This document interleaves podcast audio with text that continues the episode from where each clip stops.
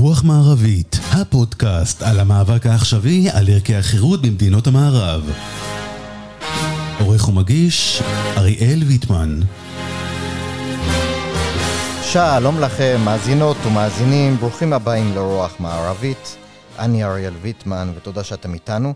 אנחנו כבר כמה שבועות uh, לאחר uh, שמחת תורה, 7 באוקטובר, שבו חווינו um, כעם, כמדינה, כחברה, טבח נוראי וברברי על ידי uh, מחבלי החמאס.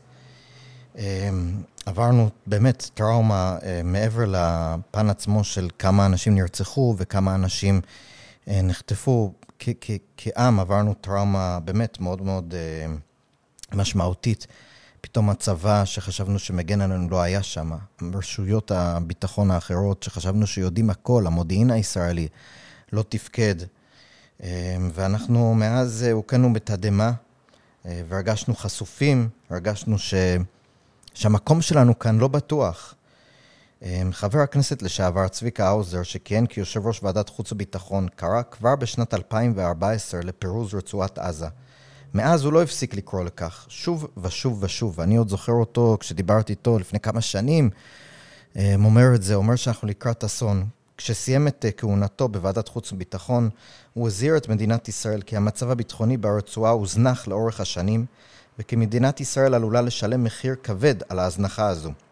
הוא קרא בין השאר למבצע חומת מגן 2 ברצועה, דבר שאנחנו ממילא עושים עכשיו, לאחר ששילמנו מחיר כבד וכל כך כואב. לצערנו, אזהרותיו של האוזר לא גרמו לממשלת ישראל לפעול בכיוון שהוא ביקש, והתוצאה לפנינו. אז כדי לדבר על כל מה שקרה, וחשוב מכך, על מה שצריך לקרות, אני שמח לארח את עורך הדין צבי האוזר. צבי האוזר, ברוכים הבאים לרוח מערבית, טוב שאתה איתנו. אני שמח להתארח כאן. אז אני רוצה להתחיל בהתחלה. כשאתה היית ביו"ר ועדת חוץ וביטחון, נתת איזשהו נאום פרידה, סוג של נאום פרידה, שבו אתה בעצם סקרת את הדברים שמדאיגים אותך, כשאתה מסתכל על האתגרים הביטחוניים של ישראל, וזה קיבל גם קצת הד תקשורתי, לדעתי לא מספיק. ואני חושב שהרבה מהמאזינים לא... זה עבר להם מעל הראש כזה, ולכן כאילו חשוב לי שתדייק אותנו, שתסביר לנו מה בעצם ראית, שהרגשת צורך אה, בעצם לבוא לציבור עד כמה שיכולת באותו רגע, ומה בעצם רצית ל- ל- לומר, ממה הזהרת? תראה, אני חושב שהאזהרות הן אה, היום פופולרי להגיד מהקונספציה. נכון. והקונספציה היא מטריה מאוד מאוד גדולה של תפיסות עולם שרווחו במערכת הביטחונית כן. ובמערכת הפוליטית המתממשקת עם המערכת הביטחונית. קובעי המדיניות, אפשר לומר. קובעי המדיניות, ואי אפשר היה לסדוק אותם. ואם אני אלך בקומה עוד מעל מה שאני אומר לך, מדינה נטולת ספקנות במקום שבו צריכה להיות ספקנות, או במערכות שמחויבות היסטורית, אסטרטגית, כן. למרכיב של ספקנות, היו נטולות ספקנות. ואם אני עוצר אותך לרגע, זה בעצם משהו שעוד למדנו במלחמת יום כיפור, שאמרנו, הייתה קונספציה, ואחת הדברים שלמדנו היה שצריך את האיפכא מסתברא, שחשוב להטיל ספק, ואתה אומר, זה לא רק שלא למדנו, אלא בכלל כאילו לא, לא אפשרנו לאנשים להביע, מי שהביע ספק הוא... בדיוק. תיתנו אותו מתחת לשולחן כזה. כן. זאת מערכת נטולת הערכה למה שמכונה בעגה המקצועית הקבוצה האדומה. כן. אלה שבאים ואומרים, רגע, נכון. בואו נציג את העמדה האחרת. וזה הוביל להרבה מאוד בעיות. חלקן התגלו ב-7 באוקטובר, כן. חלקן טרם הם התגלו. אני חושב שהמערכת הצבאית, בראש ובראשונה, הבינה. נדמה לי שאם עכשיו. יש שינוי עכשיו, אם יש שינוי אמיתי, אתה יודע, אני כל פעם ביקשתי לראות את המסמכים של הקבוצה האדומה, את המסמכים של האיפרא מסתברא, ואז ראיתי מה הדרג, מה רמת הרצינות של כתיבה וההתייחסות, והבנתי שבמקרה הטוב מסמנים וי וגם שואלים איזה משהו אחר, אבל בסופו של דבר, וזה מה שהכי כאב לי, ואני אומר משהו מאוד מאוד קשה. מאוד קשה, אבל בשבטי, בוועדת חוץ וביטחון, והופיעו כן. בפניי אה, כמעט כל המטכ"ל. ראשי מערכת הביטחון, כל האנשים המכתיבים את העמדות הביטחוניות במדינת ישראל, לצערי גם האסטרטגיה, יהיה על זה אחרי זה משהו, mm-hmm. אני אגיד את זה בצורה קשה, ראית אחד, ראית את כולם.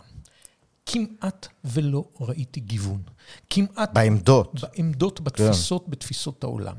ואתה יודע, אני אגיד איזה משהו פילוסופי. המדינה הזאת הייתה עד השבעה באוקטובר, קרוב לשנה, בסערה נכון, פנימית. דירה פנימית, שהמטרת העל היה גיוון בבית המשפט העליון. כן. כן. אני אומר לך, נתניהו הבין את המצב בצבא, במערכת הביטחונית. יריב לוין הבין את המצב במערכת הביטחונית. הם לחמו את המלחמה הלא נכונה. Mm-hmm. אני אומר את זה שוב פילוסופית. אני, אתה יודע, מה שישראל צריכה זה גיוון במקום שאף אחד לא באמת מבין אותו, כן. זה גיוון במטכ"ל. והמטכ"ל לא היה מגוון. המערכת הביטחונית לא מגוונת, המערכת הפוליטית. שינקו מן הקונספציות ואיבדה את הקונספציות. לא הייתה מגוונת, ואני אתן את המעטפת הכללית, שבוא נשים את זה על השולחן, המערכת התקשורתית. כן. ההוויה הישראלית שמורכבת בהקשרים כן. האלה שאנחנו מדברים עליה, מממסד ביטחוני, ממסד פוליטי, ממסד תקשורתי, ראית אחד, ראית את כולם. כולם שרו שירה אחידה, אה, וכל מי שהטיל ספק, או לא צף למעלה, או... איך אומרים, נפנפו אותו כן. בהינף יד של ביטוי. נכון. אני רוצה שנייה לחדד מהי אותה קונספציה שבעצם כולם... אה, בעצם, אם אני מבין נכון, ואתה עוד ב-2014 כתבת, לדעתי, פעם ראשונה, שאתה התייחסת לזה באופן, אה, ככה כתבת את זה ממש, זה על הצורך לפירוז עזה, שכבר ראית את זה אז, וכל הזמן הזכרת את זה שוב ושוב ושוב, ואני זוכר אה, נאומים שלך ורעיונות שלך ומאמרים שכתבת בנושא. ו... אבל אני רוצה, מה בעצם הייתה הקונספציה הכללית? בעצם אמרו אנשים מראש הממשלה ועד אלופי המטכ"ל והמח"טים וכולי, זה, צריך לתת להם איזשהו תמריץ כדי שהם לא ירצו לתקוף אותנו. אם אני מבין נכון, זאת אומרת... לא. בוא, בוא אני אתן לך יותר עמוק, או סליחה, כן. או, או מהי הקונספציה. שכולם מדברים, נכון. ובהקשר הזה אני אנסה לדקור. הקונספציה הייתה והיא דבר אה, דרמטי בעיניי, שאפשר להכניס את האזרחים לתמונת המלחמה. זאת אומרת, הנחת עבודה של המערכת, שבחלק המלחמה מתנהלת או יכולה להתנהל בשטחנו. זה הקונספציה. אתה מתכוון לטילים שהם ירו, ואז אנחנו אומרים, בעצם אפשר להכיל את זה כי זה... כי אנחנו נדע להגן. תראה, התפיסה אבן הראשה בתפיסת הביטחון של מדינת ישראל מ-1948, זה לא היה ככה ב-48, כי ב-48 באמת המלחמה הייתה בשדותינו כן. ובכפרינו ובערינו, גוש עציון נופל נכון. וכולי. ומאז אנחנו מגבשים עמדה שהמלחמה היא בשטח האויב. כן. היא לא אצלנו. היא לא אצלנו אף פעם. וב-2014, תראה, האמת, פעם ראשונה זה בלבנון, במלחמת לבנון השנייה, החיזבאללה ממטיר רקטות מאזורים מיושבים אל אזורים מיושבים. נכון. ישראל מפנה את הצפון, 300 אלף איש מפונים, אנחנו לא כל כך יודעים מה לעשות עם זה. אנחנו נותנים מכה חזקה, מרתיעים, כן או לא, עוד מעט נדבר על זה, על הצפון. מאז מלחמת לבנון הצפון לא... אה, עד אה, עכשיו. הוא שקט עד עכשיו, עד, עד, עד השבעה באוקטובר. נכון. אבל בדרום, ב-2009, אה, עופרת יצוקה. כן. חמאס מאמץ את אותה אסטרטגיה של המטרת טילים. לא היינו ערוכים ב-2009. ב-2012 יש מבצע נוסף שנקרא עמוד ענן. היינו כן. צריכים אז לגמור את הסיפור, לבוא ולהגיד, חבר'ה, אזרחים הם לא חלק מתמונת המלחמה, לא יכולנו לעשות את זה כי היה חשש אז במצרים מי שנשיא מצרים זה מורסי, היה חשש לניתוק היחסים עם מצרים. שהוא מהאחים המוסלמים. שהוא מהאחים המוסלמים, ולכן אמרנו, נגלגל, נדחה את העניין. 2014 היה המועד שבו ישראל הייתה צריכה לסמן קו אדום. ומה שקורה עכשיו בעזה היה צריך להיות ב-2014, כי אנחנו באיחור של עשור. אז היו צריכים להגיד, אני משאיל את זה מהקשר אחר, עד כאן שבת הגדול, אתה כן. מכיר את זה? עד כאן. עד כאן לא, אזרחים לא יהיו חלק מתמונת המלחמה. ולמה לא עשו את זה אז? ואז מדשדשים 50 יום. נשלפת אותה מצגת מפורסמת של כן. 300-500 חיילים שיהרגו, והמערכת מתכנסת לקונספציה, הקונספציה 2014, מערכת צבאית, מערכת פוליטית, תקשורת. שמה היא אותה- שאומרת, אנחנו נסדיר או נגבש תפיסת הגנה כן. שתגן על האזרחים, אבל אנחנו נוותר על פעולה התקפית שתמנע את אותו ירי טילים. הם יירו טילים, הם יירו רקטות, הם יחדרו אבל מעבר נצליח לגבול. להתגונן. אנחנו נתגונן על ידי מעטפת הגנתית מורכבת מארבעה אה, מרכיבים. אסטרטגיה, ארבע שכבות. קודם כל, הגנה רב-שכבתית שכבתית של טילים, נגד כן. טילים. שתיים, גדר משוכללת, מיליארדים. מאוד צ'ק עזר. של מיליארדים. זה התפיסה. שלוש, מיגון ומקלוט. אנחנו ממגנים עצמנו לדעת מ-2014, אה, בהשקעות של מיליארדים, וארבע, בקרות אירוע, אם יקרה אירוע גדול, אנחנו נפנה את היישובים. כל העניין הזה של פליטות במדינת ישראל, גם כן אה, אה, שינוי דרמטי, אסטרטגי, פילוסופי של נכון. התפיסה הישראלית, שלא מפנים יישובים. שהאזרחים גם תופסים את השטח לאורך שנים. ולא מפנים, תראה, כן. פעם אחרונה שפינינו יישובים היה זה, זה היה בצפון, בתל חי. אתה יודע, עכשיו אה, אה, כן. ראיתי שפינינו את הצפון, אף אחד לא נכון. מדבר ככה, עוד, עוד נתייחס לזה בטח, אבל פינינו את מטולה, את כפר גלעדי, את תל קריית חי. שמונה. קריית שמונה, אבל שלושת היישובים האלה, פעם אחרונה זה 1920. אחרי קרב ש... זה טרומפלדור זה או לא? טרומפלדור, בדיוק. אחרי זה קמה קריית שמונה על שמונה- שמונה שנהרגו, כן. פינינו, חזרנו. ועכשיו עוד פעם אז פינינו. אני מדבר על הסימבוליקה, עכשיו כן. פינינו בלי, ב- ב- ב- בקול דממה דקה. אני חוזר, מעטפת הגנתית שאפשרה להכניס את האזרחים כן. תחת, בתמונת המלחמה, זאת הקונספציה. ואז אנחנו ניתן הגנה, ומדי שלוש-ארבע שנים, מכסחת דשן, נכסח אותם. כן. שמעתי את ראש הממשלה לפני כמה ימים, נכון. כיסחנו אותם ארבע פעמים. וסיפרנו לעצמנו סיפור, כחלק מהקונספציה, שארגון שמתעצם, שבונה בניין כוח, הוא מורתע. מהמם. סיפורים ואגדות. דרום, נכון. אגב, בצפון, אותו דבר. ואספנו בנק מטרות. בנק מטרות זה המינוח אולי המזוקק ביותר לקונספציה. מה זה אומר? מחכים. שאנחנו יודעים בדיוק שיהיה מטרות, אנחנו מוותרים כן. על מרכיב מרכזי בארגז הכלים שלנו של אה, אה, מתקפת מנע, של מכה שמפתיעה. נכון. אנחנו מאפשרים לאויב לבחור בכל פעם, בכל פעם את מועד המלחמה. שים לב, בכל פעם האויב הוא זה שבוחר את אה, מועד המלחמה. ואנחנו מייצרים בנק מטרות, ושאם כן. הוא יתקוף אותנו, אנחנו נוריד לו את המטרות. זה קיצור תולדות הקונספציה. אבל אני רוצה להוסיף עוד נדבך לקונספציה של... אני מסכים עם כל מילה, ואני רוצה גם להוסיף שעם הדברים האלה, בעצם עם השנים, ותתקן אותי אם אתה מסכים אותי או לא, כמובן, אני מרגיש שהפכנו את חמאס לסוג של שותף בעינינו. זאת אומרת, לא רק שהפכנו את המשוואה של במקום להיות התקפיים, במקום להעביר את הלחימה לאויב, לשטח של האויב, הפכנו, כבר באיזשהו מקום אמרנו, הוא לא ממש, לא בטוח שהוא אויב כל כך, כי יש לו אינטרס לשמור על השקט, כי נכנס לו, נכנסות לו מזוודות של כסף.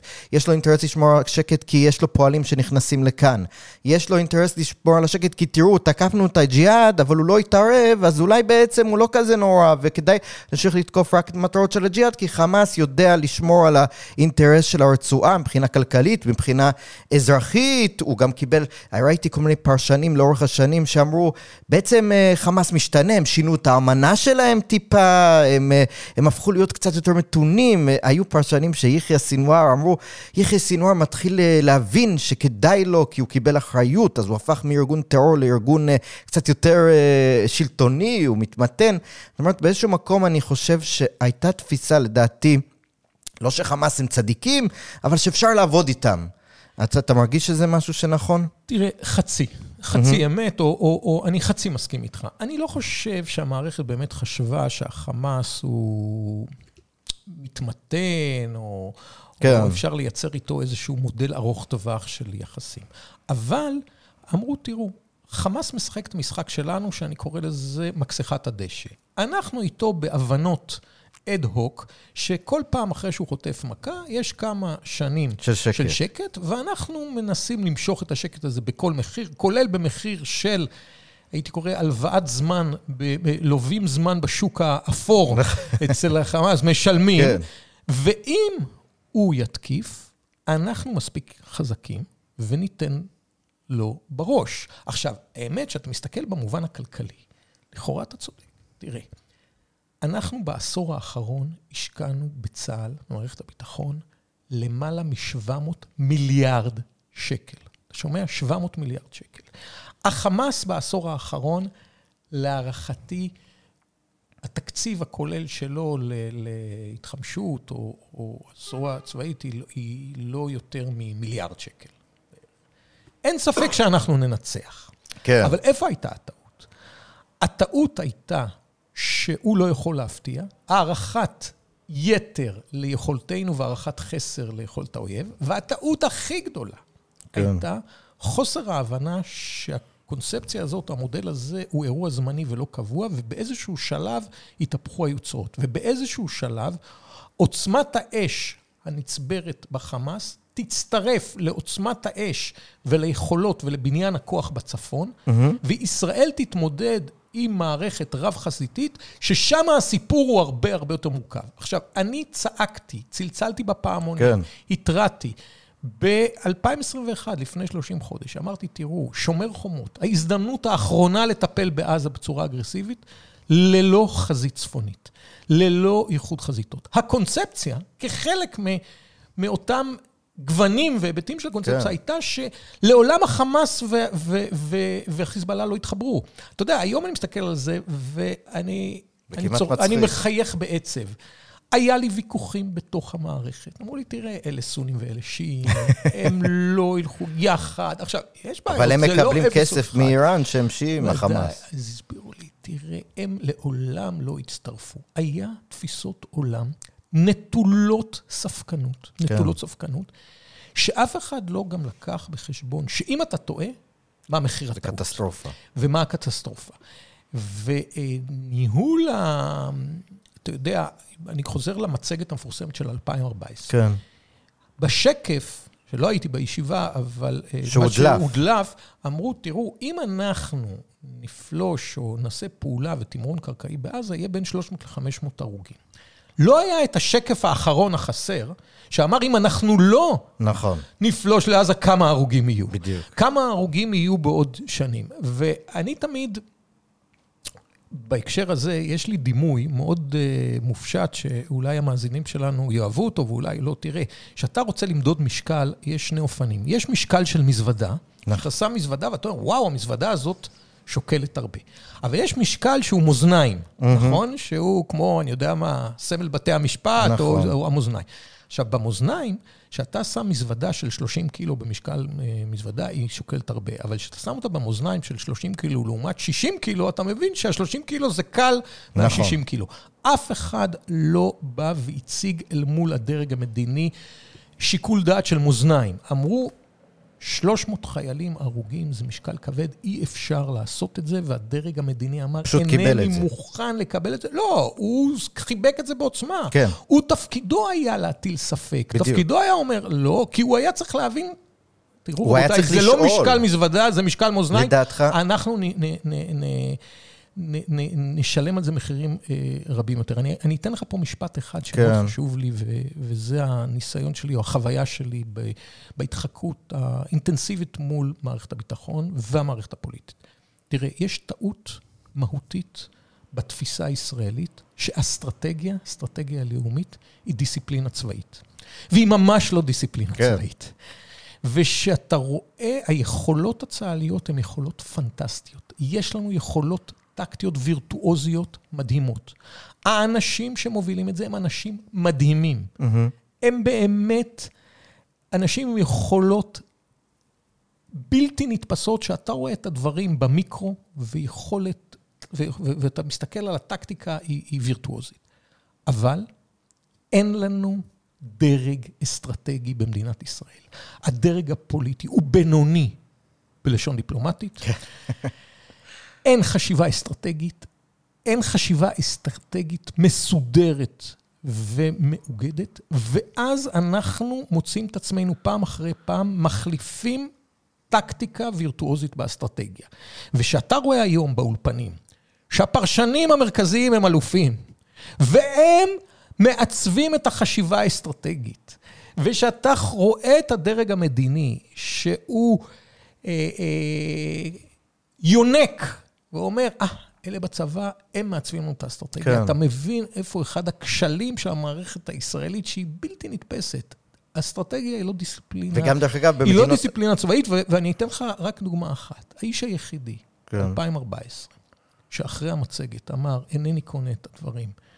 וצריך אה, לפלוש, או, או צריך לעשות תמרון קרקעי בעזה, היה יובל שטייניץ. Aha. שאני לא יודע אם הוא סמל ראשון, או אני לא, לא מכיר את דרגתו. הוא לא קצין. הוא לא קצין. והאנשים האלה, מישה ארנס, אה, יובל שטייניץ, אתה יודע, אה, אתה בשביל אסטרטגיה, דרגות אלוף לא מעלות ולא מורידות, ואת זה לא מבינים במדינת ישראל. רגע, אני רוצה שנייה רק לחדד. באותו חדר ב-2014 שהם יושבים, האם, למה בעצם, זאת אומרת, אנחנו לא יודעים את הפרוטוקול של הדיון, אבל נניח בדיונים דומים לזה, או באותו דיון, אם זה היה או לא היה, למה אחרי השקף הזה באמת נראה שאנשים בחדר, מקבלי החלטות, לא שואלים את השאלה הבאה, ומה המחיר אם לא? זאת אומרת, זה נראה שפשוט מקבלים בהרבה מובנים את האמירות או את הטענות של הדרג הצבאי באופן כמעט, אה, כאילו זה, זה דברי אלוהים חיים, ואז אתה מקבל, כמו שאתה אומר, הצבא הוא טוב בלהילחם, הוא לא בהכרח טוב בלתכנן את האסטרטגיה של מדינה שלמה, הוא לא... זאת אומרת, גם, גם מלחמה היא לא רק צבאית, היא באה להשיג מטרות שהן מדיניות בסוף, והצבא הוא לא בהכרח מבין, הוא לא בהכרח טוב יותר בהשגת אותן מדינ... מטרות מדיניות. תראה, הדרג האזרחי, או הדרג הפוליטי, שמוצא את עצמו בעשור האחרון באחידות דעה עם הדרג הצבאי, זה לא בגלל שהוא מקבל את עמדות הצבא כדבר אלוהים חיים, אלא כי התפיסה הזאת היא נוחה לו. כן. המנהיגות נבחנת ברגעים הקשים, uh-huh. לא ברגעים הקלים. לצערי הרב, אין בנמצא מנהיגות שמקבלת החלטות, החלטות קשות. אין לנו פה יותר מדי החלטות קשות שהתקבלו. בואו נודה לא על האמת. לא רק בביטחון, בכלל. בכלל, ובפרט בביטחון. נכון. אתה יודע, ההחלטה, ה... נדמה לי, הכי קשה הביטחונית שהתקבלה, שאני חושב על זה, היא דווקא של, שוב, סמל אה, ראשון, אני לא יודע אפילו אם הוא ככה, אהוד אולמרט, שהחליט להפציץ את הכור בסוריה. בסוריה. עכשיו, צריך להבין, ב-2007, הפצצת הכור בסוריה, זאת החלטה עם רמת אי-ודאות מאוד מאוד גדולה. סוריה אז... עם יכולות של נשק כימי, זה עוד לפני הפירוז נכון. של סוריה מנשק כימי, ומקבלים החלטה עם רמת אי-ודאות מאוד מאוד גדולה, שיכולה, ישראל יכולה למצוא את עצמה במלחמה מול אויב שאז נחשב לאויב אה, אסטרטגי חזק ומהותי. אגב, הפצצת הכור תוך כדי התנגדות של, של האמריקאים. בדיוק. עכשיו, בואו נלך מ-2007 עד היום, איזה החלטות התקבלו עם רמת אי-ודאות, עם התנגדות אמריקאית? אין, נדמה לי, החלטות כאלה, ויש בעיה קשה לדרג פוליטי להתנהל ברמת אי-ודאות, ואז שבא הצבא ומציג לך מצגת. אתה שומע את הנחת הרווחה של כן. הדרג הפוליטי, אתה, הוא מחבק אותו אה, חיבוק חם אז. הוא איננו מאתגר. Mm-hmm. עד כנראה מה שקורה עכשיו, אני עכשיו לא אתה, ב... אתה לא שם. לא, לא שם, אבל אני שומע, אני שומע ככה, שקודם כל הצבא התעשת, ופתאום בצבא אנחנו רואים uh, סוסים שרוצים לרוץ נכון. קדימה, והדרג המדיני עוצר אותם. Mm-hmm. ואני חושב שאחד מהמסקנות של ה-7 באוקטובר וכל מה שהולך לאחר מכן, שישראל, אחד, פוליטיקה חייבת להיות, חייבים אנשים רציניים, עם אספקלריה רחבה, עם תפיסות עולם, עם הבנת מקרו בפוליטיקה. אי אפשר להסתפק באנשים שנקלעים לאירוע הזה, ואנשים שבמערכות אזרחיות ספק אם היו מקבלים כן. איזשהו תפקיד. אם זוויות ראייה מאוד מאוד צרות, והבנה מאוד מאוד קלושה בעניינים ששם צריך להבין, שם למעלה חייבים להבין. יש לך תקוות שזה באמת יקרה? אני, אני, אני מקווה כי אי אפשר להמשיך ולהתמודד עם האתגרים העומדים לפתחנו ב-25 כן. שנה האחרונה, עם רמה כל כך בינונית של פוליטיקה. תראה, אני כל הזמן משווה, אני חצי מה... 30 שנה האחרונות, חצי מגזר ציבורי, חצי מגזר נכון. פרטי. אני נע ואני מכיר את שני הדברים. עכשיו, אתה רואה את השינויים הדרמטיים במגזר הפרטי, אתה רואה את השדרוג האנושי, את שדרוג היכולות של דרג ניהולי נכון. במגזר הפרטי. ועם שיטות חדשניות, וכל הזמן משתפרים וכולי. עכשיו, תראה, קח בגס, קח את חברות הענק, לא יודע מה, אינטל, אמזון, גוגל, גוגל. וכולי. קח את הדרג הניהולי לפני 15 שנה, וקח היום, ותבין נכון. שהדרג הניהולי היום הוא הרבה יותר מתוחכם, מיומן, מבין. עכשיו, קח את המערכת הפוליטית, לפני 15 שנה והיום. עכשיו, תבין, לנהל מדינה זה פי 100 יותר קשה מלנהל את אמזון. עם השלכות הרבה יותר... ראש ממשלת ישראל כן. זה אדם שמושת עליו אחריות, והקבינט נכון. המדיני-ביטחוני, והמערכת הפוליטית, יש להם משימות הרבה יותר גדולות נכון. מאמזון וגוגל. ואנשים שמאיישים שם, הם אנשים שאין להם את המיומנויות המינימליות, הביזאר הופך להיות כן. הרזון דטרה של הפוליטיקה. נכון. ככל שאתה יותר ביזאר, אתה קופץ יותר למעלה, ואז שאתה צריך לנהג עניינים, לנהל עניינים, אי אפשר עם מיומנויות ביזריות, עם עוצמות של ביזר, נכון. וסליחה שאני נוקט בלש... לא, בלשון נכון. הבוטה הזאת, אי אפשר לנהל עניינים. עכשיו, זה דבר שיהיה חייב להשתנות בעיניי. יהיה חייב להשתנות, כי האינטרסים המופקדים בידי מה שנקרא דרג פוליטי, הם כל כך קריטיים, ואנחנו רואים אותם. בשנה האחרונה, אנחנו רואים אותם עכשיו, אנחנו רואים כן. אותם אחרי זה, וגם מה שקורה פה בישראל, שוב, בשנה האחרונה, חלק מהדברים הטובים, שאנשים טובים שהיו בטוחים שפוליטיקה היא כבר לא חשובה, כן. ושהמגזר העסקי הוא בעצם מנהל עניינים, וחברות הענק והחברות המולטי, זה, הם קולטים בעצם שאתה לא יכול. אבל בסוף צריך מצביעים, זה הבעיה. אה, אני מסכים איתך, זה לא, זה לא פשוט, אבל קודם כל צריכה להיות תפיסת עולם. קודם כל צריך להבין, קודם כל צריכה להיות דיאגנוסטיקה נכונה, כן. ואז אנחנו נגיע לפתרון. רגע, אני רוצה לשאול אותך משהו עוד על ה... סליחה שברחנו ככה לא, לא, מהביטחון אני... ל... אבל זה חשוב, אבל, כי אבל הם זה, מנהלים זה את הביטחון. בדיוק. אני רוצה אה, לחדד איתך משהו שאתה גם היית חלק בו בתור מזכיר ממשלה, ש, שגם היית עד להשתלשלות האירועים. אה, שאלתי אותך אתמול אם זה בסדר גם לדבר על זה, ואמרת שכן. כל הנושא של שחרור גלעד שליט והעסקת שליט עצמה והתגלגלות העניינים. הרי באולמרט, לקראת סוף ימיו, אה, כראש ממשלה, הוא בעצם דחה את העסקה שהוצעה לו. אם אני מבין נכון, לדעתי, ותקנו לי יותר, העסקה שהוצעה לו בהתחלה הייתה פחות, נקרא לזה, קיצונית מבחינת מה שאנחנו היינו צריכים לתת, מאשר מה שבסוף אושר. לפחות ככה דווח. ובסוף נתניהו מאשר את זה, ואתה בעצם, אולי תן לנו את ה, בגדול את ה... את החוויה שלך שם, קודם כל על קבלת ההחלטות של איך דבר כזה שמצד אחד במשך זמן רב, או זמן לא רב, ראש ממשלה או ממשלה כולה אומרת לא, זה לא מאינטרס ביטחוני, זה יפגע, זה לא, גם לא מוסרי, ופתאום, פתאום זורמים על זה, מה שנקרא. איך הדברים האלה קרו? כן, תראה, קודם כל, אה, שוב, אני לא הייתי בתקופה של אולמרט. כן, ברור.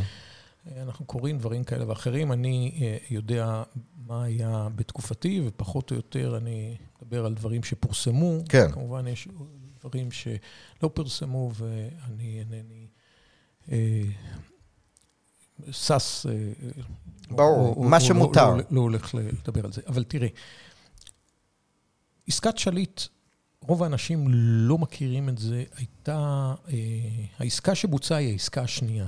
Mm-hmm. העסקה השנייה שעמדה לפתחה של ממשלת נתניהו דאז, אה, לפתחו של ראש הממשלה נתניהו אה, דאז, כאשר הייתה העסקה הראשונה שהייתה דומה פחות או יותר לעסקה השנייה, נתניהו ברגע האחרון דחה.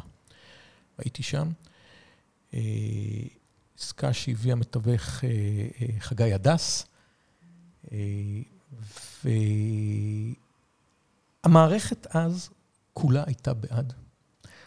זה בדיוק אותו קונספציה. כן. אתה יודע, אני גם, בקטע הזה, שוב, אני אומר אמירה קשה, אה, אה, לא... שאני אומר אותה בלב כבד. אני ראיתי את המערכת הצבאית קצת מתנהגת כמו ועד עובדים. וזו אמירה איומה ונוראה, איומה ונוראה, אני מתנצל. זה, כן. אבל זאת אומרת, יש לנו חייל, אנחנו לא יכולים מבצעית לשחרר אותו, צריך לשחרר אלף מחבלים, אה, ואנחנו עוצמים עינינו לרווחה מההיבט המוסרי של רשע וטוב לו. כן. זאת אומרת, אני רוצה לחדד את זה, כי זה בעיניי אחד המרכיבים המהותיים של הדיון הזה, שאיכשהו אה, נעלמו, התפוגגו. אנשים שרצחו הרבה מאוד אנשים, ישבו שלוש שנים ומשתחררים. כן. אמרו, אנחנו עושים את זה בכל מחיר. אה, והמחיר היה מחיר כבד. אני חושב שהעסקה הייתה לא טובה ולא נכונה. אה, נדמה לי שהיום הרבה יותר אנשים מבינים אותה. העסקה הזאת בנתה את... אה, מה שיש את, עכשיו. את מה שיש עכשיו, את בעצם את הזרוע הצבאית של החמאס. אבל אני אומר, הייתה עסקה ראשונה. כן. קודם כל, מבחינה היסטורית ראוי לציין את זה. חגי הדס הציג את זאת. אה, ראש הממשלה התחבט והתלבט. אני זוכר שהציגו לו אה, מצגת, אפרופו שהיא, אה, שזה בסדר, שהשחרור הוא של אנשים עם רמת מסוכנות נמוכה, שאנחנו נוכל להתנהל כן. עם העניין. זה היה, זה יהיה בסדר. אין פה בעיה ביטחונית, בעיה מוסרית איננו שוקלים, mm-hmm. ואור ירוק בוא נלך. אני זוכר שאני ביקשתי להציג את המצגת הנגדית.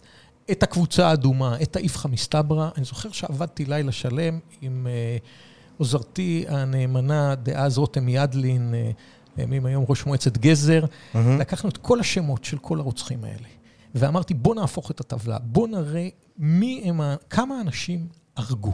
כמה כן. הרשימה הזאת של אלף, כמה אנשים שילמו בחייהם, כמה אנשים נפצעו, בכמה משפחות אתה נוגע שאתה משחרר אותם. כי אני במסוכנות לא יכול להתווכח מול נכון. השב"כ ו- ומול הצבא. ונציג את המחיר המצמרר של זה, שלא הוצג ככה לראש הממשלה. וראש הממשלה ראה את זה, ועשה יותר. אה, וכמה זמן אחר כך עסקה שנייה? והרוב אה, אה, היו בעד, אני זוכר שרון דרמר היה נגד, ואני הייתי נגד, היינו שני הקולות כמעט הבודדים נגד. העסקה השנייה הייתה חודשים אחרי זה, זה כבר הביא אותה מידן.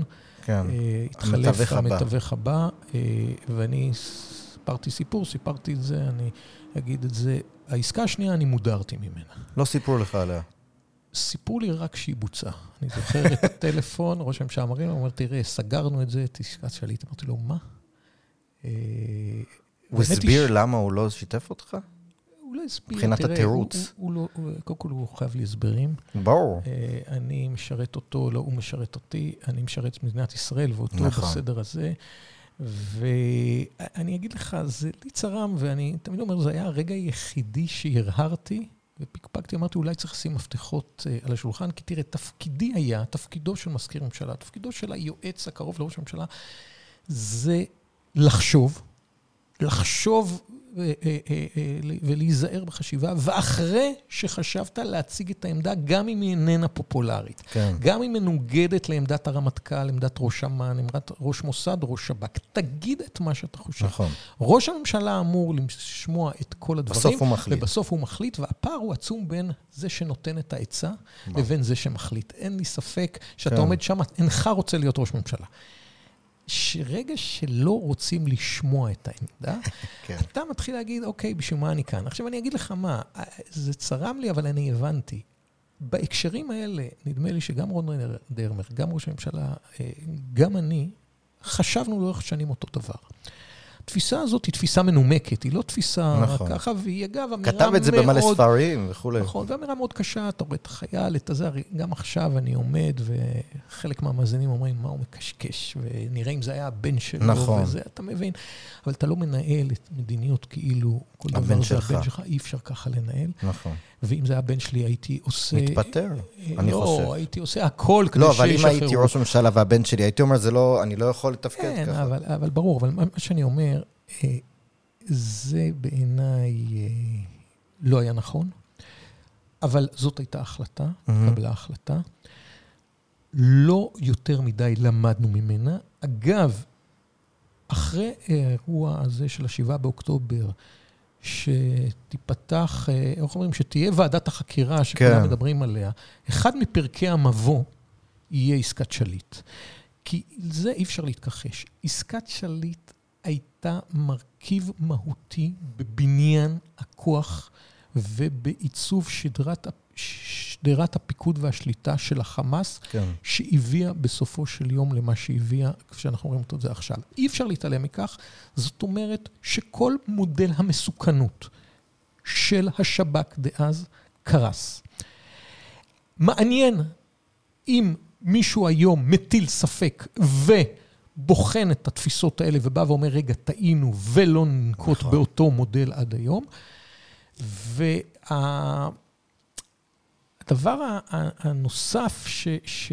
אה, צרם לאוזני, זה שלאחר עסקת שליט הייתה מה שנקרא ועדת שמגר. מינו את השופט נכון. שמגר של לתת המלצות. לגבי כי חטיפות הבינו לגבי עתידיות. חטיפות עתידיות. והוועדה הזאת, אפשר לקבל החלטותיה רק כשאין לך חטופים נכון. בקנה. ולצערי הרב, סירבו. לדון בה אפילו, אני חושב. להציג אותה כן. ולדון בה, כן. וזה רק מראה עד כמה... אה, קודם כל, הנושא הזה הוא הפך להיות חלק מתוכנת ההפעלה הישראלית, כן. חלק מהמהויות שלנו. זה דבר טוב בגדול, אבל צריך להבין את המחירים. אנחנו גם רואים עכשיו איך אה, החמאס מנסה לשחק ב- ברור. בתוכנת ההפעלה הזאת עם החטופים. עם הקלטות, עם תראה זה. איך כל תפיסת החמאס של הפלישה היה לא רק ההרג, רצח, להביא ואונס, חטופים. אלא להביא גם חטופים, כ- כחלק מ- מראייה אסטרטגית, לא מאירוע טקטי. כי הם מבינים את האירוע הישראלי, וגם על זה אנחנו איכשהו צריכים לשאול את עצמנו איך אנחנו מטפלים בסיפור הזה. אה, קשה לומר את הדברים האלה שהחטופים הם שם. נכון, אבל... אבל זה אה, צריך להיאמר. אבל, אבל שוב, אני... יוצא לי אה, מעת לעת, רואים ב, בשנים האלה שאני נמצא במגזר הציבורי, אה, למצוא את עצמי כל פעם באיזו פוזיציה קצת מעצבנת. קצת שאתה אומר, למה לך להגיד דברים כאלה? מהמם. למה לך לנפנף בדגלים האדומים? אבל אני תמיד מסתכל ימינה ושמאלה, ואני אומר, יש אזורים שהם יתומים. כן. תפיסות עולם, עמדות נכונות, שאף אחד בזמנים מסוימים לא מוכן להתייצב ולהגיד אותם. תמיד אני אומר, אוקיי, במקום שאין, תהיה אתה. אז אני הרבה פעמים ספגתי, נכון. ו...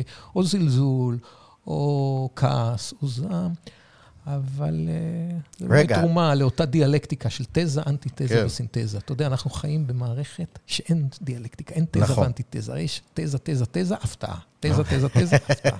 בדיוק. אה, לצערנו, אני צוחק, אבל הופתענו, ממש. ב-7 באוקטובר, המערכת לא בכלל אה, קלטה את האירוע עד שהוא כבר היה באמצע וכולי. אני, אני רוצה גם אולי להתעכב קצת על החטופים כרגע. זאת אומרת, אנחנו, כמו שאמרת, זו סיטואציה לא נוחה לדבר על זה קצת, כי אנחנו, כי הם שם.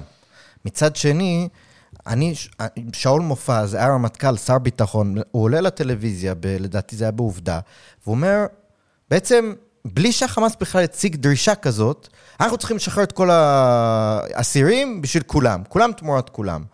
ואני שואל את עצמי, אמ, ואז זה, זה הודהד על ידי עוד אלופים במיל, כמו שאמרת, להיות אלוף או רמטכ"ל במיל, זה לא בהכרח אומר שאתה מבין באסטרטגיה ובמדיניות וכולי. ואין אין, אין דברים בשם אומרם. אתה יודע, אמרתי לכמה עורכי עיתונים, כן. תביאו פעם דברים בשם אומרם, תביאו את כל אותם פרשנים שנמצאים, וזה מה הם אמרו כן. בשומר חומות. בדיוק. מה, עוד 30 חודש. נכון. בואו נראה את סיכום שומר חומות, מה הסיכום. חמאס מורתע, חמאס זה... מה אמרו בצוק איתן, ואתה יודע, כולם אומרים, הצבא צריך להפיק לקחים, המערכת הפוליטית חייבת להפיק נכון. לקחים, אה, אה, האם אתה לוקח אחריות או לא לוקח אחריות. אין אחריות יותר מדי באולפנים. אין אחריות במערכת כן. שאין לה שום בעיה לקחת אחריות ולבוא מסכים. ולהגיד, טעיתי, מודה ומתוודה, טעיתי, הטעיתי ציבור בשומר חומות, שאמרתי כך וכך וכך, ולהמשיך לפרשן. נכון. אבל לא, זה איכשהו. ואיכשהו הארכיון גם לא זוכר, כי כן. אף אחד לא... כי אין להם אינטרס, והארכיון אבל אצלם. הציבור זוכר. כן. אז רגע, אז מה עושים? אני שואל, כאילו, א' כל, האם אתה מסכים איתי, לפחות התחושה שלי הוא, שברגע שאתה אומר ומראה שיש לחץ ציבורי ולחץ שהוא מגובה על ידי אנשי צבא, כמו שר ביטחון לשעבר, שבא ואומר, צריך לשחרר את כולם, האם אתה לא בעצם נותן תמריץ. לחמאס בעצם לדרוש את כולם? ושנית, אה, מה דעתך, זאת אומרת, יש עכשיו הצעה על- השולחן של לכאורה אה, הפסקות הומניטריות תמורת, לא כל האסירים, תמורת זקנים, נשים וילדים להבנתי. האם זה אולי טיפה שונה מעסקאות של אסירים עם דם על הידיים ו- וכולי, כמו שראינו בשליט. אז איך אתה רואה את האיזון בין הדברים, והאם בכלל כדאי לתת לאנשים כאלה להתבטא, זאת אומרת, ברור שאי אפשר לעצור אותם, אבל האם, האם זה חכם להדהד את הדברים שלהם כשהאויב שומע את זה? כן, תראה, קודם כל, אה, צריך לעשות סדר שנייה בדברים. כן. אין דין עסקת שליט והסיטואציה של שליט לסיטואציה של עכשיו. אהה, שוני אחר לגמרי. דבר שני, צריך להבין את הקונטקסט של האירוע הנוכחי, שהוא איום ונורא. אה, אין דוגמה לכך בהיסטוריה העולמית, נדמה לי, אה, או לפחות בהיסטוריה? המודרנית, אה, של תינוקות שנלקחים בשבי, של זקנים, של כן. נשים, הסיטואציה הזאת היא בלתי נתפסת. אבל הקונטקסט הוא שלהערכתי ולהבנתי, אין באמת עסקה של כולם תמורת כולם. אז למה להגיד אה, את זה? זאת השאלה. כאילו, אה, יכול להיות, אבל בין אם להגיד ובין אם להגיד, אני לא רואה, צריך להבין ככה. אה, אנחנו, רוב האנשים שאומרים את זה, הם אנשים שנלחמים את המלחמה של האתמול ולא את כן. המלחמה של המחר. בדיוק. כי המלחמה של האתמול היא באמת הייתה במתכונת של כולם תמורת כולם, זאת אומרת, המלחמה של האתמול היה... אה, אלפים תמורת אחד, שתיים. לא, לא כל רק. אלפים, לא, אני אומר משהו אחר, שהחמאס, אה, האינטרס המרכזי של החמאס היה לשחרר את החמשת אלפים עצירים שלו, אה, אסירים שלו, אה, מחבלים שיושבים בכלא. האינטרס המרכזי היום של החמאס זה לשרוד. ולשרוד בעזה. הוא בכלל כבר שונה, הוא לא אותם חמשת אלפים. ולכן החטופים הם כולם קלפי מיקוח, שהכל ממוקד בהישג הנדרש לבטל את רוע הגזירה, ההחלטה הציבורית והפוליטית והצבאית אותו. הישראלית, למוטט את החמאס. זה האירוע, הוא לא אירוע מהמם. של האתמול של האסירים, ולכן זה, זה לא כולם תמורת כולם, זה בכלל לא בעניין. עכשיו, יושבים אנשים ב... עדיין עם פיקוד בשליטה של חמאס, אולי בדרום הרצועה, ועושים הערכה אה, אופרטיבית, קונקרטית, כיצד לעשות שימוש מושכל בחטופים, שההישג הנדרש והיחידי הוא לשרוד. שרידותם. כן.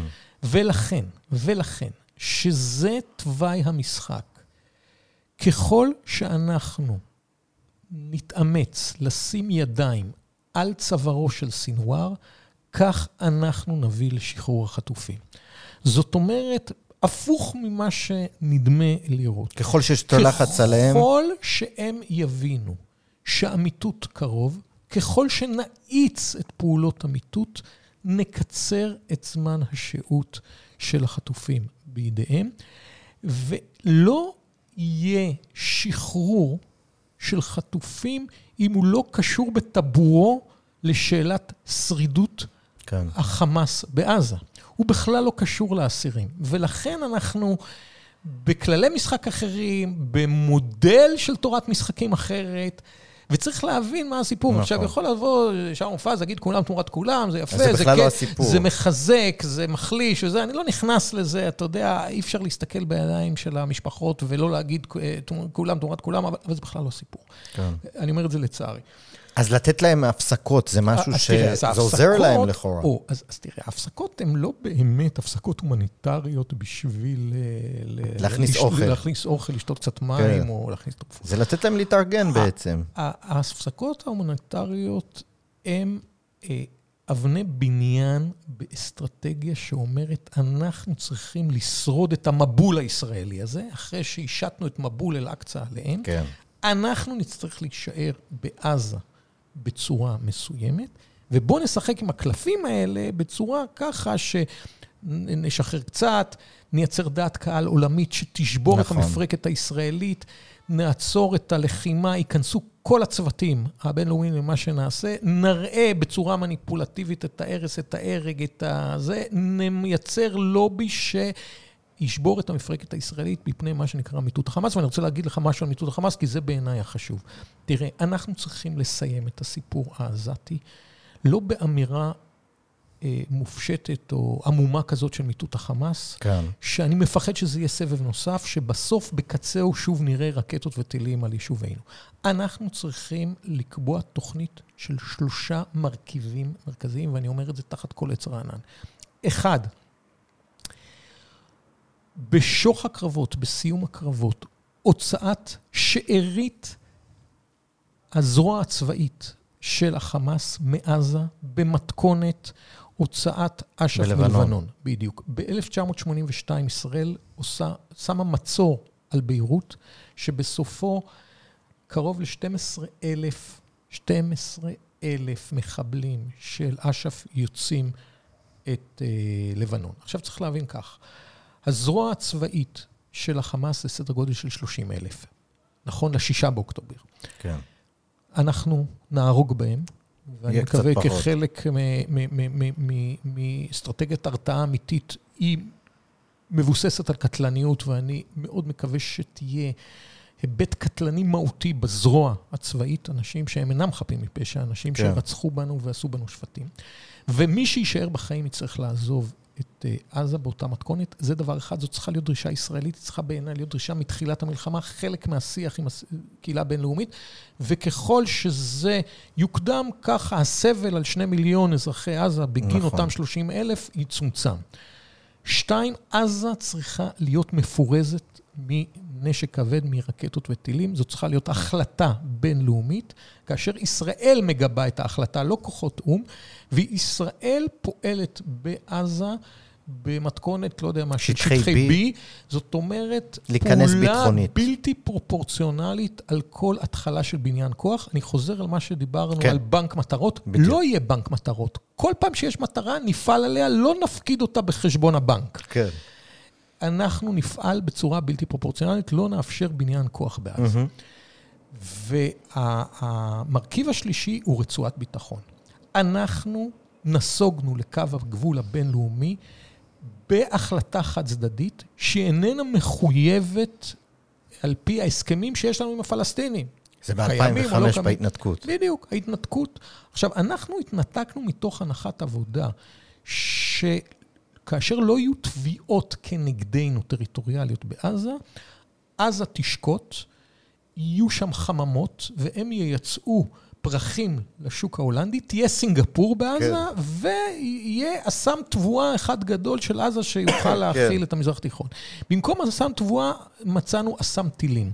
זאת אומרת, הנסיגה לקו הגבול הבינלאומי לא נתנה את התמורה שלה ציפינו, שקט ושלווה. כן. ולכן, אני לא בעד להיכנס ולהישאר בעזה, אבל אנחנו יכולים לעשות מה שנקרא redeployment, היערכות מחדש של הגבולות, להרחיק את הגבולות. כמה?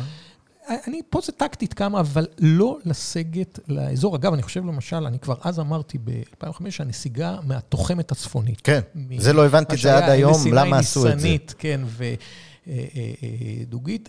לא היה היגיון, נכון. כי אין בינם לבין קו הגבול נכון. אף אוכלוסייה אה, ערבית. אגב, אהוד ברק, 2005, אמר שזאת אה, אה, טיפשות לסגת מהתוחמת הצפונית, אבל הסיבה העיקרית הייתה, אנחנו נייתר את התביעות, לא יהיה סכסוך, יהיה תנאי שלום אופטימליים עם עזה. זאת אומרת, לא יתקיפו אותנו, לא יבואו ויגידו, בגלל שאתה מחזיק שטח, אתה יודע, ראה חוות שבא בצפון. כן. לא יהיה חוות שבא בדרום, אבל זה לא יתקיים, ולכן יש לנו את כל הלגיטימציה הבינלאומית. לקבוע רצועת ביטחון, אני חושב שצריך להודיע עכשיו שאנחנו נחזיק בה כעשור, כי זה סדרי גודל, אה, חלונות הזמן, שאנחנו יכולים לאפיין אם יש שקט, שלום או שלווה, או שאין, אם יש בניין כוח מהותי בעזה או לא, ואם יש שקט, שלום, שלווה, בטווח של עשור, יכול להיות שאנחנו מהראש יכולים לבוא ולהגיד, אנחנו נסוג, ניסוג לקו הגבול הבינלאומי, אבל אם לא יהיה שקט ושלום, נמשיך. אנחנו נמשיך להחזיק בזה, ואנחנו נסתכל בלבן של העיניים של התושבים במה שכונה פעם עוטף עזה, כן. ונגיד, אנחנו הרחקנו את הגדר מטווח הראייה של המרפסת הגן שלכם. ואני אגיד עוד משהו, ואני אומר אותו מאוד בזהירות. תראה, אני חושב שתפיסת רצועת ביטחון צריכה להיות משיקולים צבאיים, ביטחוניים, גרידא, נקודה, סוף. אבל, כשאתה מנסה להבין את השפה המזרח-תיכונית, כן. ושאנחנו פה מבינים שהשפטים שעשו בנו בשבעה באוקטובר, יש תחושה עזה בציבור, מוצדקת בציבור, בצבא, בהנהגה, לסוג של אה, נקמה, נקרא לזה ככה. אנחנו לא ננקום בהרג של חפים בפשע. אנחנו לא ננקום בהריסת נדל"ן. אנחנו נדבר בשפה המזרח תיכונית ונתפוס שטח. הם יאבדו שטח. פיוטית, אה, אני אגדיר את זה, אה, אה, אנחנו, את התפוחי אדמה של קיבוץ בארי בעונת הקטיף של 2025, צריך כמה שדות בתוך שטח רצועת עזה. ידעו אויבינו, אם אתם תבואו להתקיף אותנו, תאנסו את נשותינו, תרוצצו את גולגלות תינוקינו, אתם תאבדו שטח. זה תהיה תשובתנו לאותה חושב... פעולה. זה הדרך היחידה לייצר הרתעה. אני אומר את זה... ואתה חושב שההנהגה, זה, זה כיוון שלדעתך היא מסוגלת לעשות עם כל הלחץ וה... אה, הבינלאומי, אני, אני מסכים איתך בגדול שזה זה, זה, זה, זה משהו שצריך לפחות לנסות להגיע אליו, השאלה לא, אם... לא, לא, צריך, צריך להגיע אליו, ואני אני חוזר ומחדד. תראה, שוב, אני, אני שם בצד את, ה, את המקטע האמוציונלי שאמרתי כן. בסוף, אני לרוב לא מדבר אמוציונלית. Mm-hmm. אה, קודם כל, יש חיוניות ביטחונית, כן. מהותית אמיתית, והיא הטיעון היחידי שמאפשר לנו להחזיק את השטח. השטח צריך להיות מוחזק בהחזקה, בתפיסה לוחמתית. הוא צריך להיות מבחינתי מוגבל בזמן. כמו שאמרתי, עשר שנים, כן. אם יהיה שקט, אנחנו... אבל יש לזה גם ממד פסיכולוגי, אתה אומר, בנוסף. אין ספק. אבל אין לנו חובה מבחינת הדין הבינלאומי לסגת לקו הבינלאומי. אני חוזר ואומר את זה. אחרי שתקפו אותנו. יש לנו הסכמים, לא, אה, לא עוד לפני, עם הרשות. יש לנו הסכמים עם הרשות הפלסטינית, שלכאורה, על פי הקהילה הבינלאומית, אם uh, תופסים, לא ביטלנו את הסכמי mm-hmm. אוסלו, נכון. לא ביטלנו רשמית ולא הם, שאומרים שקו הגבול ייקבע בשלב הסופי של המשא ומתן. אם במהלך העשור הקרוב, אה, נתכנס למשא ומתן, ואתה יודע, יש חזיונות אז נוכל אה, לדבר על זה. זה. אז יכול להיות שאנחנו נסוג עוד לפני עשר כן. שנים. אבל גם הקהילה הבינלאומית, אה, וגם אנשים פה בארץ, שהייתי אומר ככה קצת באמירה ריאליסטית, מפנטזים, שאנחנו נביא את כן. אבו מאזן ונחבר, בוא נגיד שהתוכנית הזאת תעבוד. והרשות הפלסטינית סוף סוף תסיר את ההפרה המרכזית של הסכמי אוסלו, ש... ש, ש, שצמח אה, אה, בעזה אה, גורם עוין שתוקף נכון. את ישראל צבאית. תשלוט בשני האזורים. תתכנס למשא ומתן עם ישראל, יהיה משא ומתן באשר השלב הסופי אמור להיות הגבולות, גבולות ביהודה ושומרון, גבולות בעזה. זאת אומרת, אין לי שום סיבה, לא בדין הבינלאומי, לא בתפיסה הצבאית, לא בהיגיון שהתרסק, שהוביל את ההחלטה לסגת עד הקו האחרון, אין שום סיבה שלא לתחזק אזורי ביטחון. כן. אני לא חושב שצריך להחזיק אזורים עם אוכלוסייה פלסטינית, וחוץ מזה, באזורים שלא נחזיק אותם, כמובן, הם צריכים להיות במתכונת כל... של שטח B, להיכנס. רגע, אני רוצה שנייה לחדד משהו. אה, אתה חושב בגדול, כן, בקצרה, כי יש לי עוד שתי שאלות חשובות. כן.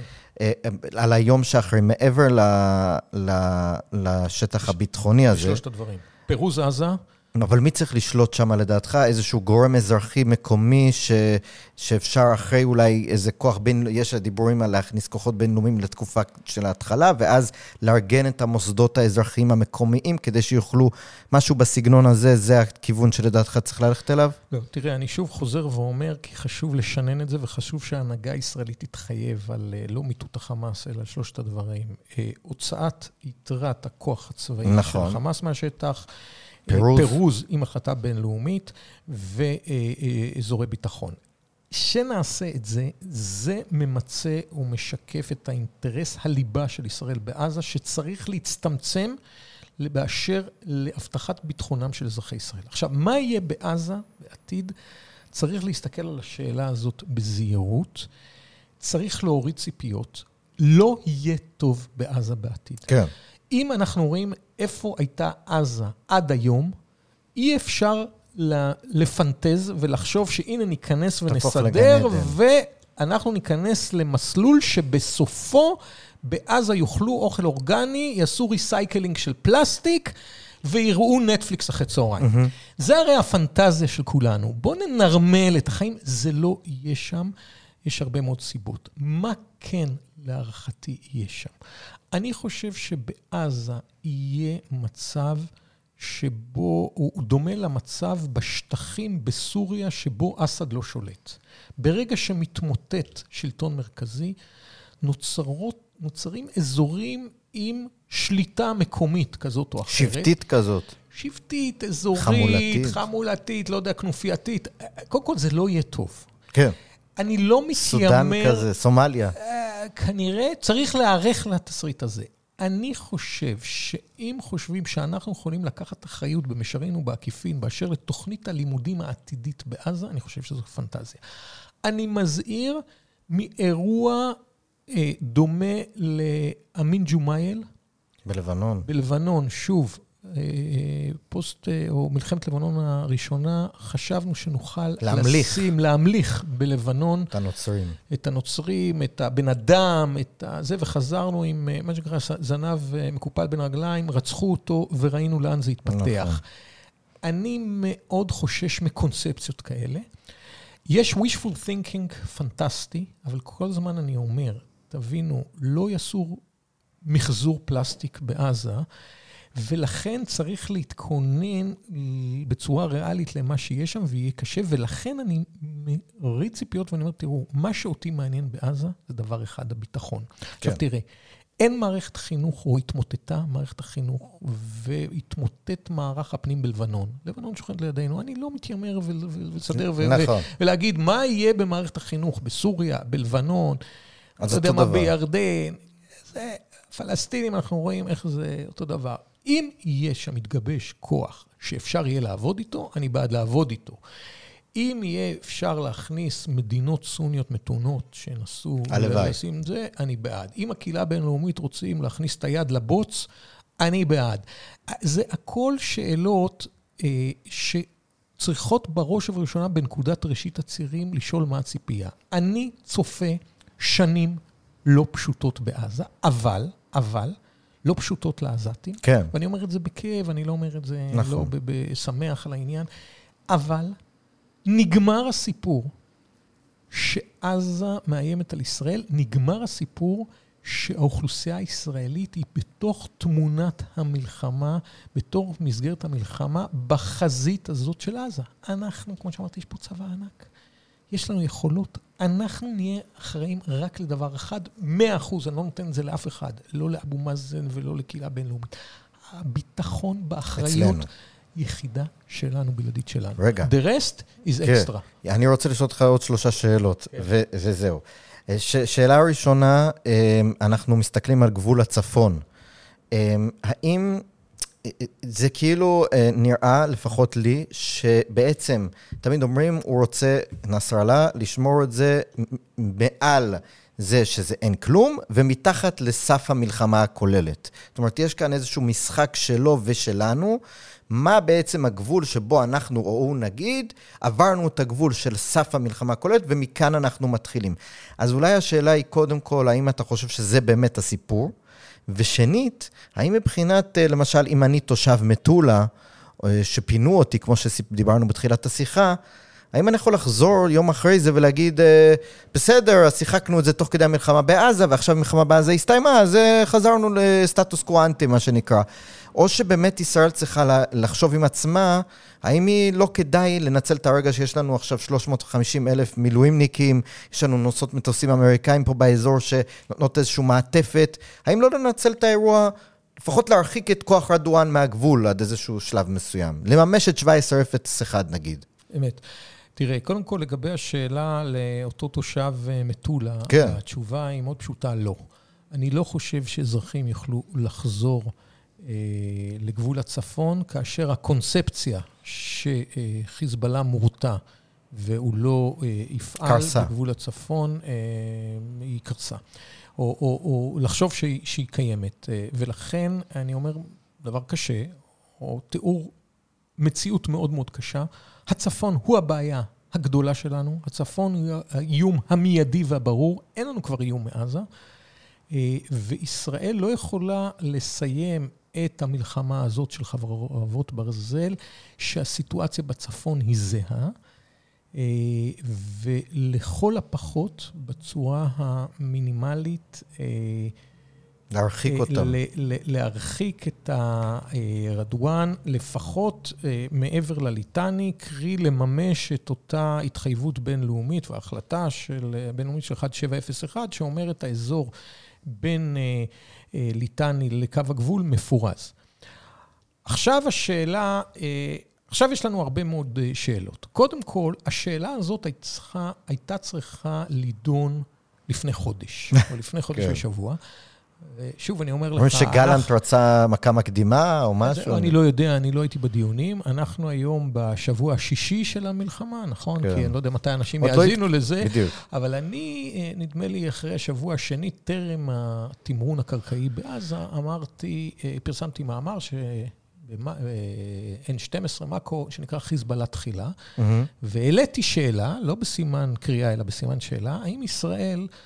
צריכה לבוא ולהגיד, רגע, אני קודם כל מטפלת בבעיה הגדולה ולא בבעיה הקטנה. אני שמה לרגע את עזה בצד, את התמרון הקרקעי בעזה, אני מטפלת בחיזבאללה, ואז לטפל בעזה ללא עורף של אה, חיזבאללה יהיה כנראה יותר קל, mm-hmm. ונעמוד באותה הבטחה שראש הממשלה נתניהו וגם אחרי זה גנץ הבטיחו ימים ספורים אחרי ה-7 באוקטובר לשינוי אסטרטגי במזרח התיכון.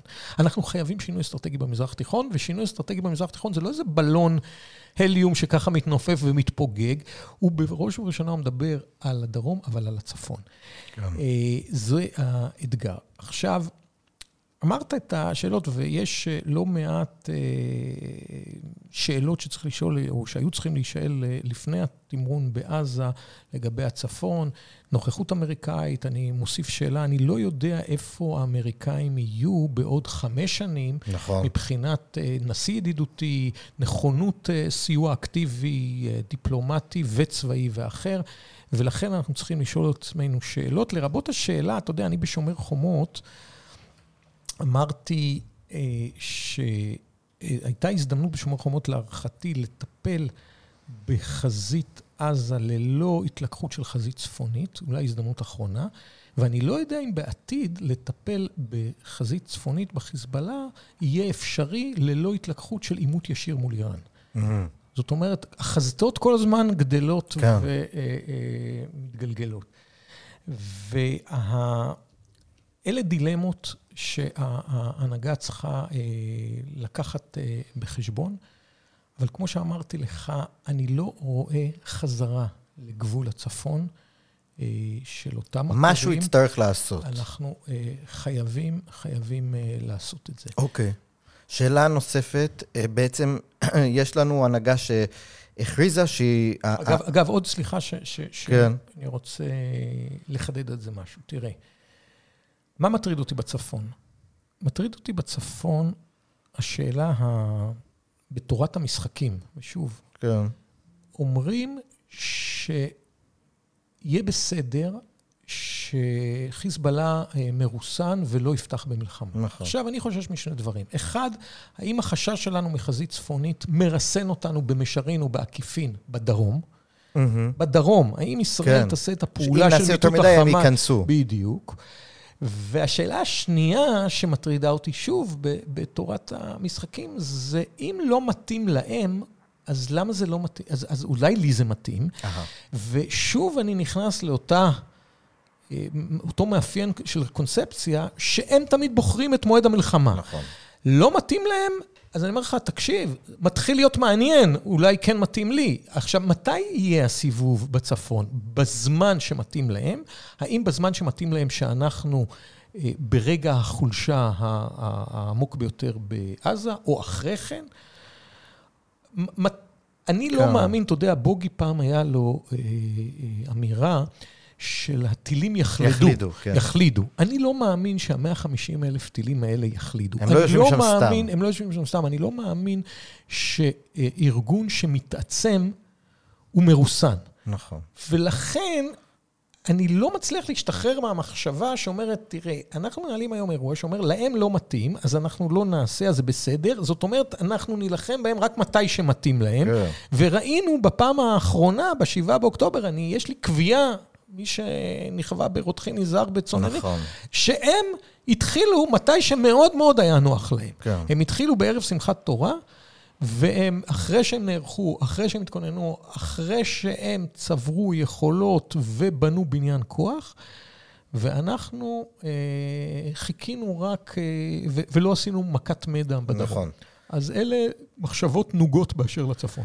אמ, לגבי אה, המטרות שהשגנו, שהצבנו לעצמנו בעזה, שזה בעצם, כמו שאמרת, מיטוט אה, צבאי ושלטוני של החמאס, האם ראש הממשלה נתניהו, שעבדת איתו הרבה, ואחד הסטיגמות עליו לאורך שנים היה אי עמידה בלחצים, או חוסר יכולת לקבל החלטות, או איזושהי הססנות גדולה גם בהחלטות פוליטיות, גם בהחלטות כאלה ואחרות, האם אתה חושב שהפעם הוא באמת הבין את הסיטואציה, כמובן שאתה לא, אני לא יודע אם אתה מדבר איתו או לא, זה בכלל לא משנה, האם אתה רואה, ממה שאתה רואה, יש הפעם ראש ממשלה שאפשר להגיד, מבין את האירוע, ובעצם לא ייכנע למשל ללחץ בינלאומי, ללחצים פוליטיים פנימיים כאלה ואחרים שיבואו עם הזמן, אני מניח. איך אתה יש לנו על מה לסמוך בהקשר הזה? תראה, אני מאוד מקווה שכן, ואתה יודע, אני, כל האנשים, אה, זו שאלה עם אה, ליבה מהותית רצינית ועם מעטפת פוליטית, ברור. אה, אה, עם אה, לפעמים אקצנט ציני. אני מנסה לשים את הציניות ואת הפוליטיקה בצד. שמערכת פוליטית, אני גם הייתי שחקן פוליטי ואמרתי נכון. את עמדתי, ואני שם את הכל בצד, אני חושב שכולנו עכשיו צריכים להיות ממוקדים במטרה. אני אנסה כן לגעת בליבת השאלה המהותית, ש- שהיא שאלה דרמטית, ואני יכול להגיד לך שהסיטואציה אה, קיצצה, צמצמה מהותית את הגמישות של התנהלותה של מדינת ישראל בהובלת נתניהו בהקשר של חזית דרום. אה, וראש הממשלה, שהוא אדם עם אה, הכרה היסטורית, הבנת עומק היסטורית, נכון. אה, וגם עם תפיסה פרסונלית, סובייקטיבית, על עצמו. טובה על עצמו, שהוא אומר, לכל אדם יש ייעוד. לי, בנימין נתניהו, יש ייעוד, ייעודי להיות שומר ישראל. אגב, כל האירוע המשפטי, שאתה מסתכל, וסליחה שאני ככה כן. זולג לשם, אולי אני, אני חוטא פה ב... ב, ב לא, אבל זה טוב ברצינות. להבין את האיש. בדיוק, תראה, אה, בסוף, מה, מה אני חושב, הסתכלותו של נתניהו? הוא אומר, תראו, אני האדם הנכון, במקום הנכון, בזמן הנכון. ואתם עם האירועים המשפטיים האלה, שאני חושב שזה קשקוש וזה, אתם לא רק פוגעים בי, אתם פוגעים בכולנו. את הקטר ההיסטורי של העם היהודי מהמסילה. נכון. ולכן הכל מותר, לכן אני אפגע בבית המשפט, וזה דברים שלפני זאת כן אומרת, הוא לא הוא האמין. באמת מאמין בזה. אבל אני, אני חושב שכן, כן. והוא שמאמין שהוא האיש הנכון בזמן הנכון, במקום הנכון, בייעוד שלו להגן על ישראל, והוא התעורר ב-7 באוקטובר. לאסון הזה. 1,400. עכשיו, זה לא רק האסון ה... נגדיר את זה, האירוע האמוציונלי האיום ונורא. זה נשינו ונ- ו- ו- ילדינו. וטפנו. זה אנשים שמתו בתוך הטריטוריה הישראלית. זה אובדן הריבונות לעשר שעות של אה, אה, קהילות, של אזורים שלמים. זה אה, תבוסה, נכון, ל-7 באוקטובר, אני לא יודע איך נכון. זה יסתיים, אל מול הארגון שהייתי אומר בצורה הכי קצת חלש בוטה, מבין האויבים. הכי חלש במזרח התיכון. כן. תראה, אין שם חיל אוויר, אין שם חיל ים. אמרת- נתתי לפני כן אה, נכון. דוגמאות. אנחנו מדינה אה, שכל ייעודו התנפץ, התפוגג. נכון. ולכן, מבחינה היסטורית, אם הוא לא יביא שינוי אסטרטגי במזרח התיכון לאור מה שקרה, קרי, אה, פירוז עזה, הוצאת הכוח הצבאי ושטחי ביטחון בדרום, ולכל הפחות, ובצפון, להרחיק בצפון, אותם. להרחיק את רדואן, אה, הוא ייזכר כראש ממשלה בהיסטוריה עם הפער הכי גדול בין ההבטחות למעשים, אני חושב בין, גם. בין הפרספציה לבין התוצאה ההיסטורית הטראגית. כן.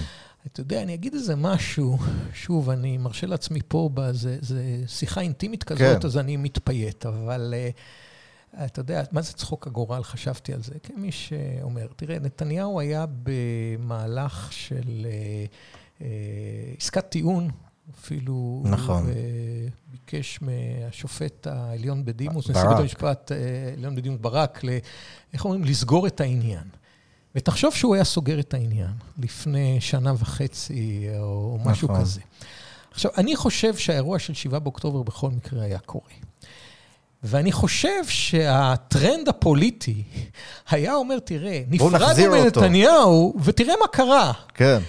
רק אחד יכול לדאוג לביטחון ישראל. בוא, לא רק נחזיר אותו, היו נושאים אותו על כפיים, היו באים אליו נכון. ואומרים, אה, זה, היו אומרים, תראה, רק יצאנו, אה, אה, התפוגגה רתיעה, הרי נתניהו אה, אה, סיפר סיפור שהוא עצמו, שהוא יושב עם ידיים איתנות על ההגה, הוא כשלעצמו מייצר הרתעה. כן. הוא כשלעצמו מייצר את אותה עוצמה קריטיקלית לישראל לשרוד באזור. והנה הוא אוחז בהגה, ממשלת ימין-ימין מלא מלא, נכון. ואנחנו מקבלים את השבעה באוקטובר כפי כן. שקיבלנו.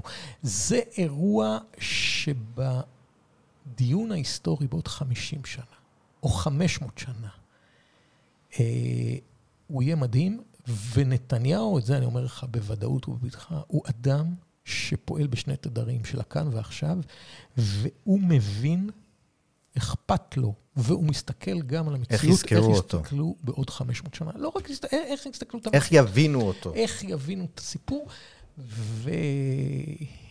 ולכן הטרגדיה הזאת היא, היא רב-ממדית.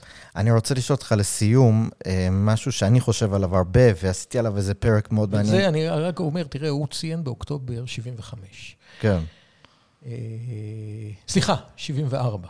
כן. אוקטובר הבא הוא יהיה 75. עכשיו, שוב, אני לא יודע גם מה עובר בראשו, עד מתי וזה, כן. ואיך אתה מסיים אה, תפקיד אה, זה. ובגיל 74, אחרי שהובלת את ישראל, זה לסיים ככה, זה אירוע אה, לא בפן פשוט. האישי, טרגדיה אפילו. כן. אה, בכל מקרה, אני רוצה לשאול אותך משהו שזה עובר עליי. אנחנו מסתכלים כל הזמן, אה, מאז ה-7 באוקטובר, לעבר לים, אירופה, ארה"ב, רואים הפגנות שאני לא, לפחות בהיקף ובטיעונים, אני לא זוכר דבר כזה. זאת אומרת, אני גר, אבא שלי גר בניו יורק, ממש מעבר, בשכונה שליד, זו שכונה עם אוכלוסייה מוסלמית מאוד גדולה, אה, לדוגמה. ואני לוקח את השכונה שלו כדוגמה, זה ניו יורק, זה עיר יהודים, זה עיר, עיר יהודית אפשר להגיד בהרבה מובנים, שכונות יהודיות, חרדיות, זה... הקיבוץ היהודי הכי גדול כן, בעולם. אז, אז אתה, הוא יוצא מה, ממש כביש לידו, הפגנה ענקית של עשרות אלפי אנשים, שורפים אה, חנויות עם מזוזות, עוברים אה, ועושים להם אה, כזה ספרי פיינט עם, אה, עם אה, סווסטיקות, עם צלבי קרס, אה, מקללים יהודים, צוהלים על הטבח שחמאס ביצע, ממש משבחים את זה, ואני יודע גם שמשבחים את זה באופן הכי פרקטי, כי ההפגנות האלה התחילו עוד לפני שישראל הגיבה. זאת אומרת, יום אחרי הטבח, אנשים, ב... זה היה בשבת, ביום ראשון כבר היו הפגנות בעד, נגד ישראל ובעד החמאס, כי ישראל עוד לא הגיבה, אין על מה להפגין נגד ישראל עדיין. ו- וזה לא רק קהילה, אני חושב שיש כאן שילוב בין קהילה אסלאמית גדולה במערב שגדלה עם הזמן, לבין האליטה האקדמית, הפרוגרסיבית, שגם היא מאוד מקצינה בשנים האחרונות. אז על האסלאם, על המוסלמים אין לי יותר מדי על מה לדבר, כי אני באמת, לא, אני חושב שאין כאן איזושהי הפתעה. מה שאותי כן מאוד מאוד מדאיג, ואולי גם כאילו רוצה להבין מה אתה חושב על זה, זה מה קרה לשמאל העולמי. זאת אומרת, תמיד היה את האנשים שהם אנטי מלחמה ואנטי זה, ומפגינים נגד וייטנאם וזה, אבל אני לא זוכר אי פעם שהיה בעוצמות האלה כל כך שנאה עזה לכל מה שקשור למערב. ישראל נתפסת כמערב, אז לכן הם שונאים גם את ישראל. ו- ואהבה ענקית לכל מי שנתפס כאנטי-מערבי. גם אם, אתה יודע, התמונה הכי זה, ובזה אני אתן לך להשיב, זה ה-Queers for Palestine. זאת אומרת, אתה רואה אנשים שחיים צורת חיים להט"בית, שבעזה היו זורקים אותם מה, מה, מהגג. והם הולכים לך עם כפיות ו, וסמלים של הלהט"ב. כאילו, איך אפשר בכלל ליישב את הדבר הזה? תראה, אה, יש הרבה טעם במה שאמרת, ואתה יודע, המלחמה הזאת מאיצה תהליכים כן. ותופעות אה, לגמרי. שהיו, אבל אני רוצה לעשות היקש לדבריו של בן גוריון, שאמר, לא חשוב מה העולם חושב, חשוב מה היהודים יעשו. Mm-hmm. ואני חושב שעוד קונספציה, אני מאוד מאוד מקווה שתתרסק. והקונספציה הישראלית, ואולי גם בחו"ל, שאין יותר עלייה. אתה יודע, אני בחמש שנים האחרונות, או סליחה, בקרוב לשנתיים האחרונות, בעיקר פוסט uh, התחלת המלחמה באוקראינה. כן. ניסיתי בכל הכוח לשכנע את המערכת, לבוא ולהגיד, תראו, יש סדר גודל של חצי מיליון יהודים שאפשר להביא לישראל. זה דבר שישנה את האופק הישראלי. נכון. זה אגב הדבר המהותי, המרכזי, הקריטי, שיאפשר לנו לספר סיפור מעודכן, להיות רלוונטיים, להמציא אותנו מחדש ב-25 שנים הבאות, אחרי שב-25 שנים האחרונות היינו אומת ה start-up nation. נכון. אנחנו צריכים לעבור מ start-up nation ל impact nation. אנחנו נעשה את זה אם יהיו פה עוד מיליון יהודים. ואתה חושב שמה שקורה עכשיו ישכנע? ואני חושב שמה שקורה עכשיו מאיץ תהליכים שאומר בסופו של דבר, וזה נשמע אולי פרדוקסלית לאור החדשות של הבוקר, נכון. שישראל זה הבית. המקום, הבית, הייעוד, המקום הייעודי גם במאה ה-21. ואני יכול להגיד לך שאני חושב שאם אנחנו נתנהל נכון, ואם אנחנו נבנה כאן מחדש חברה מופת, אור לגויים, אה, חברה ישראלית חזקה, מדינה, אומה איתנה, אנחנו נביא בחמש עד עשר שנים האחרונות מיליון אנשים, ברמה מאוד גבוהה. התל"ג יקפוץ מ-50 אלף ל-100 אלף. אנחנו יכולים לעשות את זה, זה מעבר לפינה. צריך להבין את זה קודם כל, צריך להאמין בזה. ומה שקורה שם בארצות הברית, פותח עיניים להרבה מאוד ישראלים שהיו סקפטיים. אני אומר לך, אני עברתי מדלת לדלת. אה, זה, גם אפרופו, אתה יודע, כל הסיפור הזה של המאבק במערכת המשפטית, במקום להפשיל שרוולים ולפתוח את השערים ולהביא אנשים, נכון. עכשיו אה, עומדים אנשים בתור מרוסיה, מאוקראינה, עמדו בתור. מאז המלחמה המדינה פספסה את זה. עכשיו צריך להבין את זה, ואחרי שהסתיימו הקרבות, בתקווה, באמונה מלאה שננצח. אנחנו נשקם את הדרום, אנחנו נביא לכאן מיליון יהודים. אנחנו חייבים, חייבים ליישב בהיקפים גדולים בין עזה לבין יהודה ושומרון. חייבים להפריך את האזור הזה, כי תבין, אם בסוף תוצאת המלחמה הזאת תהיה ש... עזה ויהודה ושומרון... אה, התחברו. התחברו אה, בצורה כזאת או אחרת. אני, אני בספק אם זה יהיה, אבל אם זה יהיה, אתה יודע, אומרים הבידול וזה, זה לא היה... זה, אנחנו, אנשים אומרים, אני רוצה לראות רשות פלסטינית חזקה. רשות פלסטינית חזקה היא לא רשות פלסטינית חזקה שוחרת שלום שרוצה לפתח נכון. את ג'נין וטול כרם. רשות פלסטינית חזקה תרצה להתגבר על האנומליה הבלתי הגיונית, בלתי סבירה, היסטורית, צופה פני עתיד, שיש שתי טריטוריות שנמצאות ללא קשר ביניהן. זאת אומרת, האסטרטגיה הפלסטינית של השלושים שנה הבאות, אם הם יצליחו להתייצב באזור, בטריטוריות איפה שהם שולטים, זה לנסות לחבר ביניהם. זאת אומרת, אנחנו צריכים ליישב שם. פתחתי סוגריים ארוכים, זה נשמע קצת הזוי ומופרך, אבל, אבל מדינה ומדינאים צריכים לחשוב גם בסדרי גודל של 30, 50 ו-100 שנה. זה אחד האתגרים הגדולים שלנו. אנחנו צריכים לבנות פה מדינה ראויה, טובה. שירצו לך, להגיע אליה. ואם אנחנו נביא, וזה אפשרי, זה מתחת לפנס, מיליון אנשים מאירופה, מארצות הברית, מרוסיה, אנחנו נהיה אחד המדינות המוצלחות והחזקות, אנחנו יכולים, יש לנו את התשתית האנושית הזאת, אה, אנחנו נהפך למדינה שתהיה נכסית בעיני מערב. המערב. ושוב, אנחנו, אה, יש לנו עוד הרבה על מה לחלום. אנחנו רק אה, סיימנו שלושה רבעים של מאה ראשונה של עצמאות שלנו, בעליות ומורדות. יש לנו עוד רבע מדהים, צריך את האנשים הנכונים, את האנשים הטובים. צריך להבין, זאת מלאכה לא פשוטה, אבל אנחנו נוכל לה. צבי האוזר, תודה רבה שהיית איתנו. היה לי כיף ותענוג גדול וגם מאוד מאוד מעניין, למרות שהנושא היה קצת אה, מתסכל, מבאס ועצוב בחלקו, אבל עם הרבה תקווה בסוף לעתיד. אה, ותודה רבה לכם, מאזינות ומאזינים שהייתם איתנו. אתם כמובן יכולים למצוא אותנו במגוון פלטפורמות. אה, וזהו, אני מקווה שנהניתם, אני נהניתי, ונשתמע בפרק הבא. תודה רבה.